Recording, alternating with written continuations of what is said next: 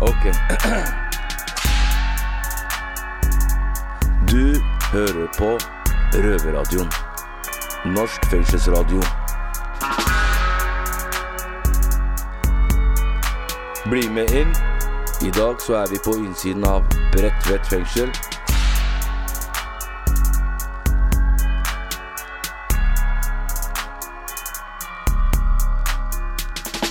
Når du havner i fengsel, blir relasjonene dine teppebomba. Det er vanskelig å vedlikeholde de relasjonene du har, det er vanskelig å bygge nye, og i hele tatt er relasjonene vanskelig. For meg som sitter i fengsel, er derfor ikke ensomhet eller fraværet av relasjoner noe nytt. Hei og velkommen til Røverradioen, jeg heter Nina, og jeg sitter her aleine i studio og skal lede sendinga som i dag skal handle om ensomhet og relasjoner. I dag sender vi fra Bredtvet fengsel og forvaringsanstalt, der vi annet får høre fra sjef Kie om hvor isolert du kan bli når du er på rømmen. Alle som sitter i høysikkerhetsfengsel er eksperter på ensomhet, for å parafrasere en annen røver. Man sitter innelåst på cella si med ensomheten som eneste venn. En annen ekspert på ensomhet, men på en litt annen måte enn det vi er, er forfatter Hilde Østby. Hun har nemlig skrevet en bok om det, hvor hun slår fast at ensomhet er farlig. Heng med, så skal du få høre hvorfor. Men først så skal vi til Bredtvet og høre hvorfor sjef Kio og Alexandra ikke tålte trynet på hverandre innledningsvis. En liten advarsel dog. Deler av dette innholdet handler om selvskading. Ja, vi vil gjerne snakke litt om hvordan eh, begynnelsen var mellom meg og deg. Og vi har egentlig hatt en eh, rød start. Ja, det kan man si. Eh, Når jeg kom eh, på Bredtvet, så kom jeg jo rett ifra gata og eh, Ja, hvordan skal man forklare det? For å si det veldig enkelt, jeg, hadde, jeg var ikke helt uh, Jeg hadde ikke landa helt. Jeg var ikke helt på planeten. Jeg var uh, veldig mye. Spytta ADHD lang vei, for å si det sånn. Ja. Ja, det er litt vanskelig, fordi man kan eh, ikke velge hvem man skal være med her i fengsel. Nei. Nei. Så eh, ja, det er litt vanskelig også. Det er det. Eh, nå vi skal begynne fra den dagen vi har hatt litt sånn, eh, ja, krangling. det var en lørdag. Og så på lørdager man pleier å sove litt lenger her. For det er ikke så mye å gjøre. Og da fikk jeg ikke sove fra stemmen hennes. Hun snakker så høyt, og hun ler så høyt, og så ble jeg litt sånn sur, og så gikk jeg på rommet hennes. Og sa 'vær så snill, Alexandra, kan du ta det litt med ro, for jeg vil sove lenge'. Og så ble hun veldig sint, og jeg hadde ødelagt humøret hennes. Eh, egentlig eh, Jeg vil ikke se deg, og jeg vil ikke være på det stedet hvor du var. Nei. Men så dro du til eh, Ravneberget. Ja. Oppholdt meg der i 30 dager. Kom tilbake. Å, fy faen. Og så når du kom tilbake, jeg satt i, i luftegården, og når jeg så det, jeg holdt det på å kaste opp. Ja. Jeg ble kvalm, egentlig. Og jeg sa å nei, der er sjef Kie, jeg blir kvalm. og nå sitter vi her, da. Ja. Men eh, ja. Jeg hadde jo et turbulent første halvår, kan man si. Ja. Ja. Og du var veldig vanskelig å ha å gjøre med. Du var det. Det Ja. var kjempevanskelig. Ja. Du var helt ute av seg. ja, jeg vet det. Jeg kom jo rett fra gata med et liv fullt av rus og ja, jeg tror jeg, jeg, jeg så liksom ikke Jeg hadde ikke helt funnet meg sjøl. Det tok meg vel et halvt år. Så ja, jeg tror at hvis du hadde plassert meg i et rom med meg sjøl nå, så tror jeg jeg hadde blitt ganske sliten hvis du går tilbake et halvt år i tid. Så det er jo egentlig litt artig å kunne sitte her og si uh, uh, Ja, vi hadde det turbulent. Jeg tok mye plass. Jeg laga mye Eller det var mye lyd. Det gikk et par dager egentlig etter du kom fra Ravneberget.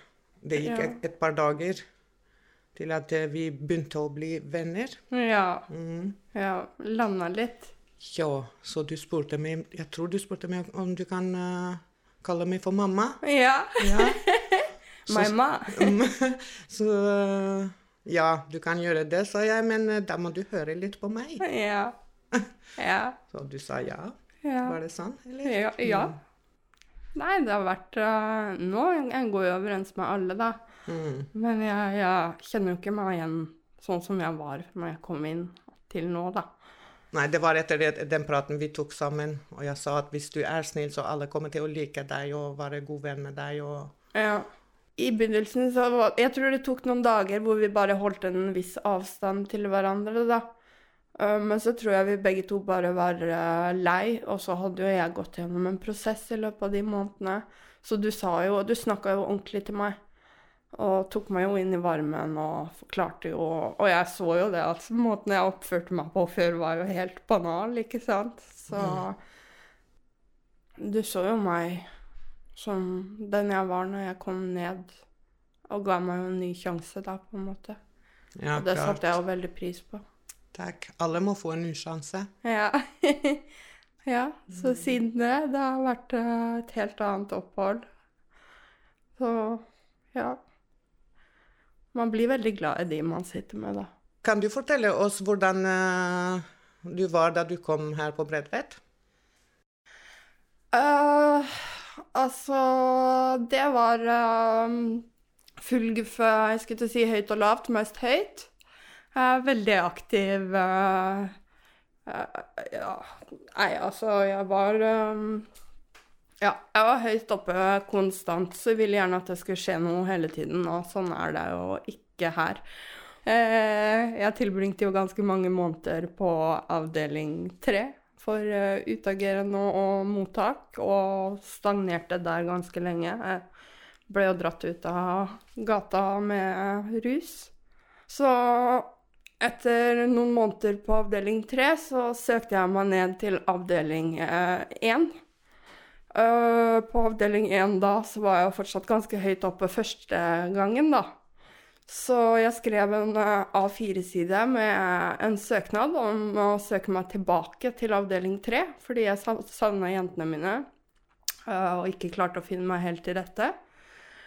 Eh, det, da fikk jeg bare til svar at eh, nei, det var ikke noe tilbake til 3, for det var for mottak og utagering. Eh, så jeg ringte advokaten min, og så sa jeg nei, da må jeg være litt kreativ. Så da tok jeg en 62 kutt return. Skada du deg egentlig for å komme tilbake på treeren? Ja. Oi. Jeg kutta meg 62 ganger. Jeg med et barberblad. Jeg hadde barberhøvel med meg fra tre til én. Ja. Så da kom jeg tilbake. Og så var det ikke så lenge, så ble jeg sendt tilbake til Ravneberget. Nei, ja, eller jeg fikk dra til Ravneberget, da. Men det var hele mitt gamle rusmiljø, så der ble jeg bare fylt med angst. Så jeg var ganske letta når jeg kom tilbake, og da kom jeg jo ganske fort ned, da. Så ja. Siden det har det egentlig vært ganske greit. Nå begynner ting liksom å Nå har jeg landa, da. Nå vet jeg at her er jeg, og her skal jeg være en det stund. ser vi det egentlig. Ja. Vi ser det. Ja. Mm. Hvordan opplevde du at jeg var som person? Ja, øh, av og til så syns jeg synd på deg. Så synes jeg synd på deg, men øh, så tenkte jeg nei, hun er ikke for å synes synd på, på henne. Hun er bare en bortskjemt jente, og hun vil gjøre det hun vil. Ja. Ehm, og så tenkte jeg ja, du rusa deg mye ute og sånn, så måtte jeg liksom ta litt sånn hensyn på det òg. Men jeg klarte ikke, for jeg har aldri prøvd selv. Nei, Mm. ikke sant. Jeg prøvde å tenke på mange forskjellige måter egentlig med å hjelpe deg, og så til slutt bestemte jeg meg med å hjelpe deg, for eh, jeg så at du er en uh, ung jente, og du er smart, men du klarer ikke å, å lande. Nei. Men så fikk jeg opp til slutt. Ja. Mm. ja. Jeg husker jeg satt og smilte ved PC-en og sa Shufki, hadde du trodd det her i begynnelsen at du skulle stå her og farge håret mitt? Ja. ja, nettopp. ja. Nei. Ja, så det var eh, det mellom meg og Alexandra. Og eh, jeg vil gjerne anbefale alle som sitter på andre fengsel også, ikke krangle med hverandre. Det er ikke noe vits, Nei. fordi eh, det er hjemmet vårt. Og her bor vi. Så vi må ha det bra med hverandre og gå overens med, hver- med hverandre for at soninga skal bli lettere for oss. Ja, absolutt. Ikke krangle, vær så snill. Ja. Så det var det.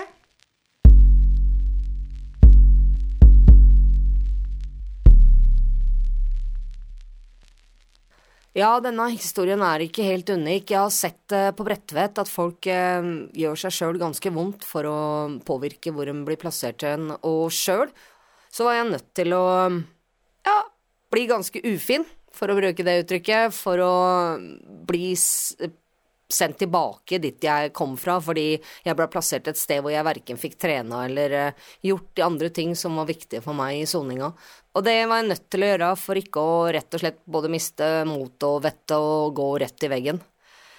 Og jeg syns jo det er synd at eh, vi er nødt til å gå til såpass drastiske virkemidler for å bli hørt og sett at det burde være nok å på en måte gi uttrykk for eh, hvor man var. Men sånn er nå kriminalomsorgen. De har jo sine grunner, de også, vil jeg tro. Eh, Noen ganger hender det imidlertid noe bra, eh, selv i en traurig fengselstilværelse, og på B2, der jeg soner nå, hadde vi besøk av Hilde Østby, som holdt, ifølge min mening, da, hvert fall et kjempespennende foredrag om ensomhet. Blant annet så sier hun at ensomhet er like ødeleggende for helsa som å røyke 15 sigg om dagen. Ensomhet er farlig. Men Hilde Østby besøkte ikke bare B2, um, hun var også på høysikkerhet på Bredtvet, og um, eh, vi rakk ikke å få Hilde i studio, men vi fikk tatt en prat med henne i fellesområdene.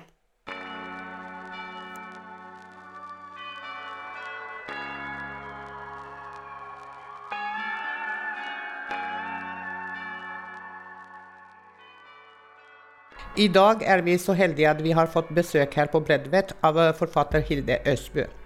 Hun har akkurat gitt en bok om ensomhet, og ensomheten er noe vi kjenner veldig godt her i fengselet. Men er det noe man kan gjøre med det? Eh, Jeg heter Shefkie. Velkommen her, Hilde Østbø. Tusen takk for at jeg får komme. Kan eh, du fortelle meg hvorfor har du valgt å skrive akkurat om ensomhet? Eh, ja, det er mange grunner til det. Eh, en ting er jo at jeg elsker folk. Så jeg ville vite hva det betyr å ikke ha mennesker rundt seg. Og hva, hva det betyr egentlig å, å være redd for å miste folk, da. Men så eh, var det jo også det at eh, jeg snakket med mannen min om ensomhet, og da sa mannen min eh, Du er det ensomste mennesket jeg kjenner. Og da tenkte jeg dette må jeg komme til bunns i. Hva betyr det egentlig? Eh, hvorfor er jeg så redd for å miste folk? Og hva er det ensomheten egentlig består i? Hvor, hvorfor føler jeg meg så ofte så fortapt? Eh, hva kan ensomhet føre til, egentlig? Ja, det er jo det som er liksom trist, da. At jeg må si alle de triste tingene det kan føre til. Ehm, eh, det er jo Altså, ensomhet er definert slik. Altså en frykt for utstøtelse fra flokken din med det som følge at du kan dø. Altså, det er den evolusjonspsykologiske definisjonen. Det betyr at når vi bodde på en savanne da, og var helt avhengig av en flokk for å overleve, så var det å skulle bli kastet ut av flokken betød at du ble løvemat, rett og slett. Og det er en så stressende reaksjon at hvis du har den over veldig lang tid, så det stresset det bryter ned kroppen innenfra. Eh, og det igjen driver masse sykdommer. Autoimmune sykdommer, hjerte-karlidelse, depresjon, søvnproblemer, overvekt, alle typer avhengighet osv. Så, videre, og så, videre. så ensomhet over lang tid det er veldig nedbrytende for kroppen og for sjelen. da. Eh, Og det gjør også at man blir mer mistenksom mot andre mennesker. Du leser andre menneskers ansikt på en annen måte når du er kronisk ensom. Du har problemer med å knytte bånd og få tillit. Så jo lenger du er ensom, eh, jo mer ensom kommer du til å bli. Altså, det er en negativ spiral, da. En, jeg vet at det er mørke ting, eh, men jeg tenker jo at hvis alle vet disse tingene, så kan vi jobbe sammen mot at det skal skje, da. Og har du noen tips om hvordan man kan komme ut, av, eh, ut fra ensomhet? Har du noen ideer? Ja, altså det er det at eh, Det blir jeg jo ofte spurt om. Sånn trikset, liksom. Men jeg tror jo ikke egentlig det er noe triks å komme seg ut av ensomhet. Det- aller viktigste er jo tillit. Å begynne å bygge tillit til andre. Og det er skikkelig vanskelig. Og det er et sprang som man må velge å gjøre. Og så tenker jeg at kunnskap er bra. Å vite at når man er ensom, så trekker man seg ofte unna. Går inn i en sånn negativ spiral av depresjon, ensomhet, alkoholmisbruk, narkotika, spiseforstyrrelser. Altså disse tingene er sånn selvforsterkende spiraler. Søvnproblemer etc. Det går liksom går ned et sånn mørkt eh, sted, da. Eh, hvis man vet det, så kan man prøve å gå ut av spiralen ved å eh, be om en klem. Eller eh, invitere noen på kaffe. Og ikke ta et nei for et nei, bare invitere igjen, da. Fordi den, nå vet vi jo det, at den ensomme vil fort trekke seg tilbake. Men det gjelder å ikke gi seg. Og så gjelder det for folk å ikke gi seg når de mistenker at noen er ensomme. Altså hvis du vil hjelpe en ensom person. Den ensomme vil kanskje ikke være så sympatisk og takknemlig. Så du må bare ikke gi deg. Og så har jeg oppdaget noe Unnskyld, jeg bare babler i vei. Men jeg har snakket med, har snakket med mange som er eh, sånn frivillige. Og som jobber som frivillige i Røde Kors eller eh, så, så har jeg skjønt liksom at veldig mange av de som jobber som frivillige, de hjelper også seg selv. Det å hjelpe en annen, det hjelper deg selv ut av ensomheten. Så det er kanskje mitt eh, viktigste tips. Hvis du ikke vet hvor du skal begynne for å få venner, bli eh, besøksvenn da, for Røde Kors. Så møter du folk. Og så møter du andre frivillige, og så plutselig har du venner, da. Jeg har egentlig eh, tatt ut fra ensomheten en innsatt her. Og det var veldig vanskelig, men jeg klarte det til slutt. Hun satt bare i cella eh, mange, mange måneder. Så jeg klarte til slutt å få henne ut og begynne å jobbe litt. Og etter hvert så spurte jeg om hun ville på skolen. Hun sa nei, men til slutt så klarte jeg det òg. Fordi jeg sa hvis du ikke vil gjøre det for deg selv, så gjør det for meg. Og hun sa ja til det, og jeg ble veldig glad, egentlig. Og da følte du deg mindre ensom også? Stemmer ikke det? Ja, for jeg klarte å gjøre noe bra. Det er jo det. At vi mennesker bare trenger å hjelpe hverandre. Og være del av hverandres liv. Så bra at du ikke ga deg. Nei, jeg ga ikke. Og eh, hvordan føles for deg å snakke med innsatte, og hvorfor du er eh, kommet tilbake her i fengsel? Hva er grunnen? Altså, når jeg leser statistikk da, ø, om ø, dere som sitter her i kvinnefengselet, så kan jeg jo se av den statistikken at det er veldig mange likheter med mitt eget liv. Så jeg føler jo at dere som sitter her, er mitt folk. At vi har mange like erfaringer. Det er mange, mange som sitter her som har voldserfaringer, erfaring med voldtekt, med omsorgssvikt eller lignende. Det er veldig mye voldserfaring. Og jeg, og jeg, jeg kjenner det igjen. Jeg vet hvordan det føles. For meg føles det bedre å komme hit, eh, hvor jeg kan snakke åpent og fritt, enn eh, på et litt stivt, eh, du vet, sted. Ensomhet skaper avstand til eh, alt mulig, eh, i hvert fall. Og det er bl.a. familie, venner, samfunn og rett og slett psykisk helse. Så hvordan kan folk hjelpe hverandre med det her? Ja, jeg Igjen, det er ikke noe triks, men jeg tenker at hvis vi er flinkere til å tenke at eh, alle er flokken Du er flokken, ikke sant? Du er flokken min. Alle jeg møter på min vei, er min flokk. Jeg skal se inn i øynene på folk jeg møter. Jeg kan gi dem en klem hvis de ber om det, eller til og med insistere på å gi folk en klem. Være nysgjerrig, høre hva de har å si. Eh, ta imot, liksom. Altså når jeg leste denne rapporten om psykisk helse i kvinnefengselet, da ble jeg sjokkert. For det er jo mye dårligere stelt her enn i eh, fengselet for menn. Det skjønner jeg jo. At satsingen på de 5% av fangene som er kvinner, der er det liksom Det er bare skuret og godt, på en måte. Jeg trodde jo før jeg kom inn i fengsler, da, så trodde jeg at det var bedre i kvinnefengselet enn i fengsler for menn.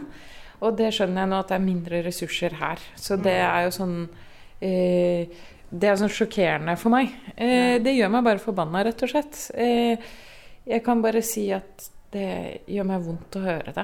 Om jeg får lov til å spørre deg om har du noe å anbefale til kriminalomsorgen, og hvordan de skal løse de problemene for oss? Jeg syns jo det er helt skandale at dere har så dårlig psykisk helsevern her. Jeg tenker jo at um, det burde vært på et mye høyere nivå. Det burde vært mye mer tilgjengelig. Mange flere møter med familie, og i hvert fall med egne barn og ektefelle. Det virker jo helt ulogisk å bryte bånd mellom eh, den, den, aller viktigste flokken, da, det er jo familien. Og eh, vi trenger å ha familie og nære venner hvordan skal du komme ut i samfunnet og bli en bra samfunnsborger igjen hvis du har brutt de båndene, da? Så jeg tenker jo at det er virkelig å skyte seg i foten da, for kriminalomsorgen. De vil jo at man skal komme ut og uh, fungere bra i samfunnet. Da er det uh, veldig lite produktivt å bryte ned folk psykisk og fysisk. Da, for det bryter deg ned fysisk også, det mm. vet vi jo nå fra forskningen. Det går på helsa løs. På den fysiske helsa løs. Så nei, bare her, her må det jo virkelig gå inn med penger og ressurser og fagfolk og en mye liksom, større tillit også til de som er innsatt, da. For når du er innsatt, så de fleste her vil jo bare komme ut og gjøre det bra i samfunnet etterpå. Det er jo helt åpenbart, det. Ja, og eh, det var veldig koselig å ha deg her. Det var veldig koselig. Tusen takk for at du kom. Takk for at jeg fikk komme, gode folk. Så lenge jeg kan huske, så har jeg følt meg ensom, og jeg har hatt vanskeligheter med å stole på folk.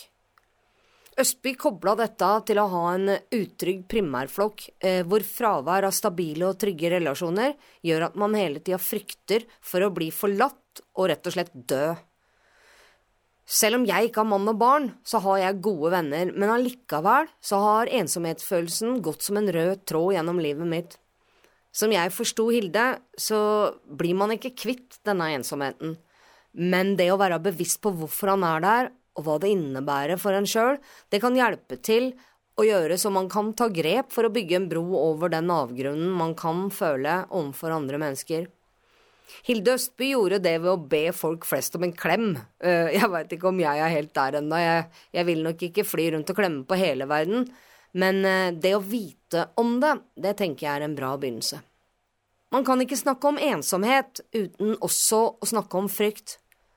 Og akkurat det skal vi gå litt dypere inn i nå, når Shefkie eh, forteller om livet sitt på rømmen i Kosovo, som faktisk blei litt vanskeligere enn hun hadde trodd.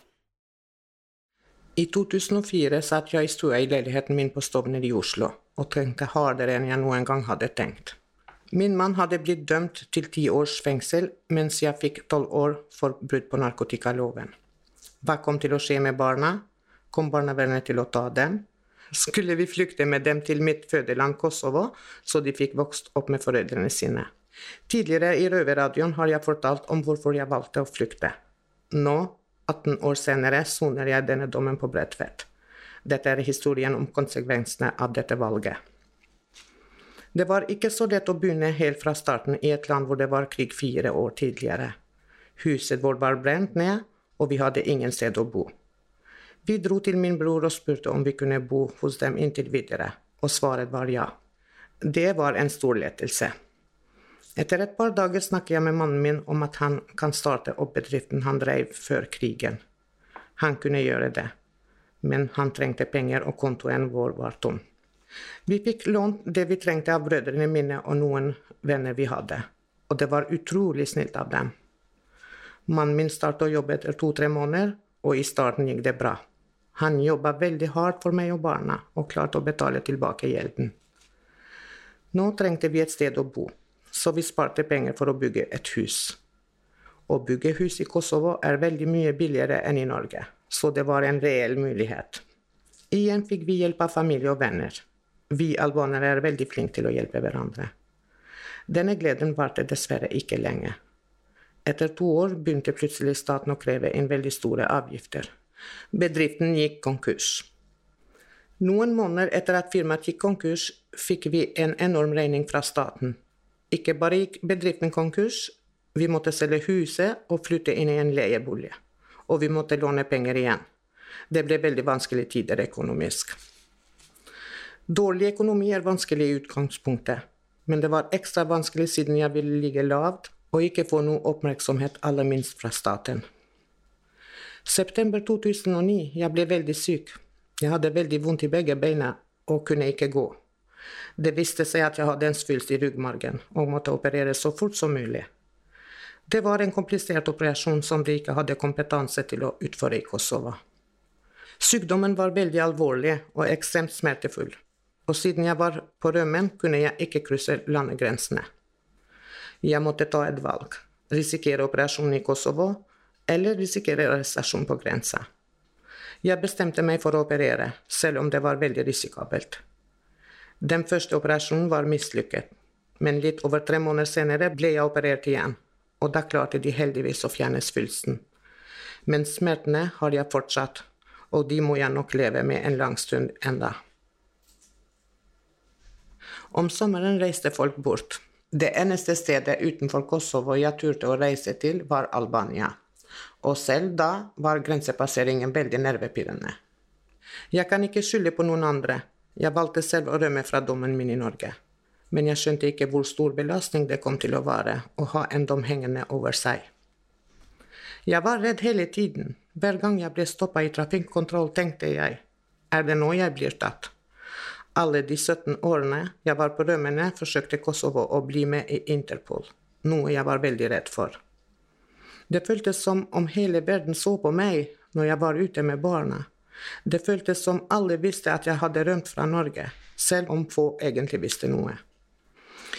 Dette er veldig vanskelig å beskrive de følelsene med ord, hvordan jeg levde i de 17 årene. Aldri kunne legge langsiktige planer eller drømmer om å reise. Alle besøk til offentlige instanser må nøye vurderes og oftest utelukkes. Men det aller verste var å kjenne på dårlig samvittighet. Ikke få sove ordentlig på nettene. Jeg måtte lyve for barna, holde masken ved å late som at alt var normalt, når jeg konstant levde i frykt for å miste barna og bli tatt av politiet. Jeg savnet egentlig mest å kunne la masken falle helt, gråte og få gjort opp mine feil. Det var et veldig ensomt liv på mange måter. Det føltes som om denne tilstanden sakte, men sikkert tok livet av meg. Det jeg gleder meg mest til nå, er å gjøre opp for meg, få sone ferdig og bli gjenforent med familien min. Mitt valg har fått store konsekvenser for barna mine, for selv om jeg var fysisk til stede for dem, vet jeg at de merket min frykt for å miste dem. Det eneste jeg vet nå, er at de aldri noen gang skal være redd for å miste meg igjen. Når jeg kommer ut av fengsel, vet jeg at de er der, og at jeg har fortsatt mange fine år med dem igjen.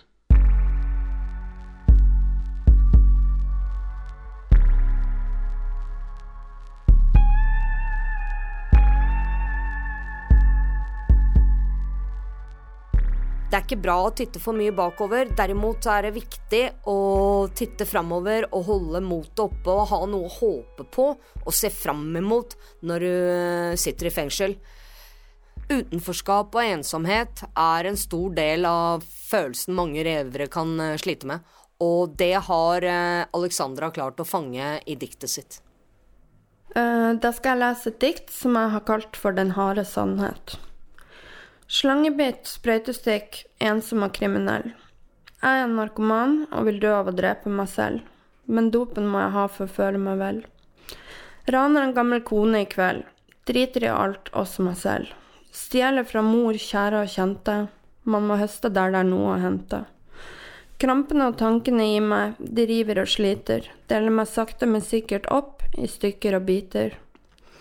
I samfunnet er jeg et stort problem, en flekk på fasaden som skulle vært ren. Hjelpen jeg trenger, er enkel og grei, den består av mennesker som virkelig elsker meg. Hjelpen jeg får, er harde straffer, det er den hjelpen samfunnet skaffer. Snakker til dere som mener dere vet, dere som mener å forstå min virkelighet, dere som er argus i blikket og tanker så svake, snur dere og sier se på det braket.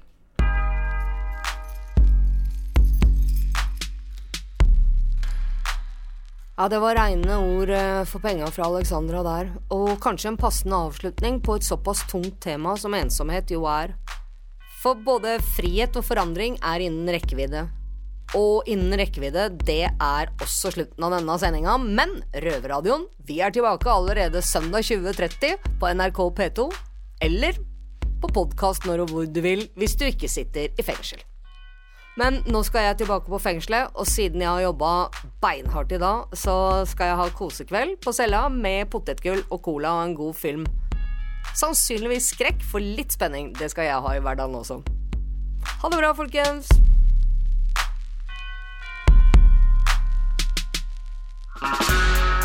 Denne sendingen av Røverradioen er sikkerhetsgodkjent av Bredtvet fengsel. Musikken er laget av Trond Kallevåg. Røverradioen er en veldedig organisasjon som er avhengig av din støtte. Følg oss på Instagram, Facebook, Twitter eller gå til røverhuset.no og finn ut hvordan du kan støtte Røverradioen.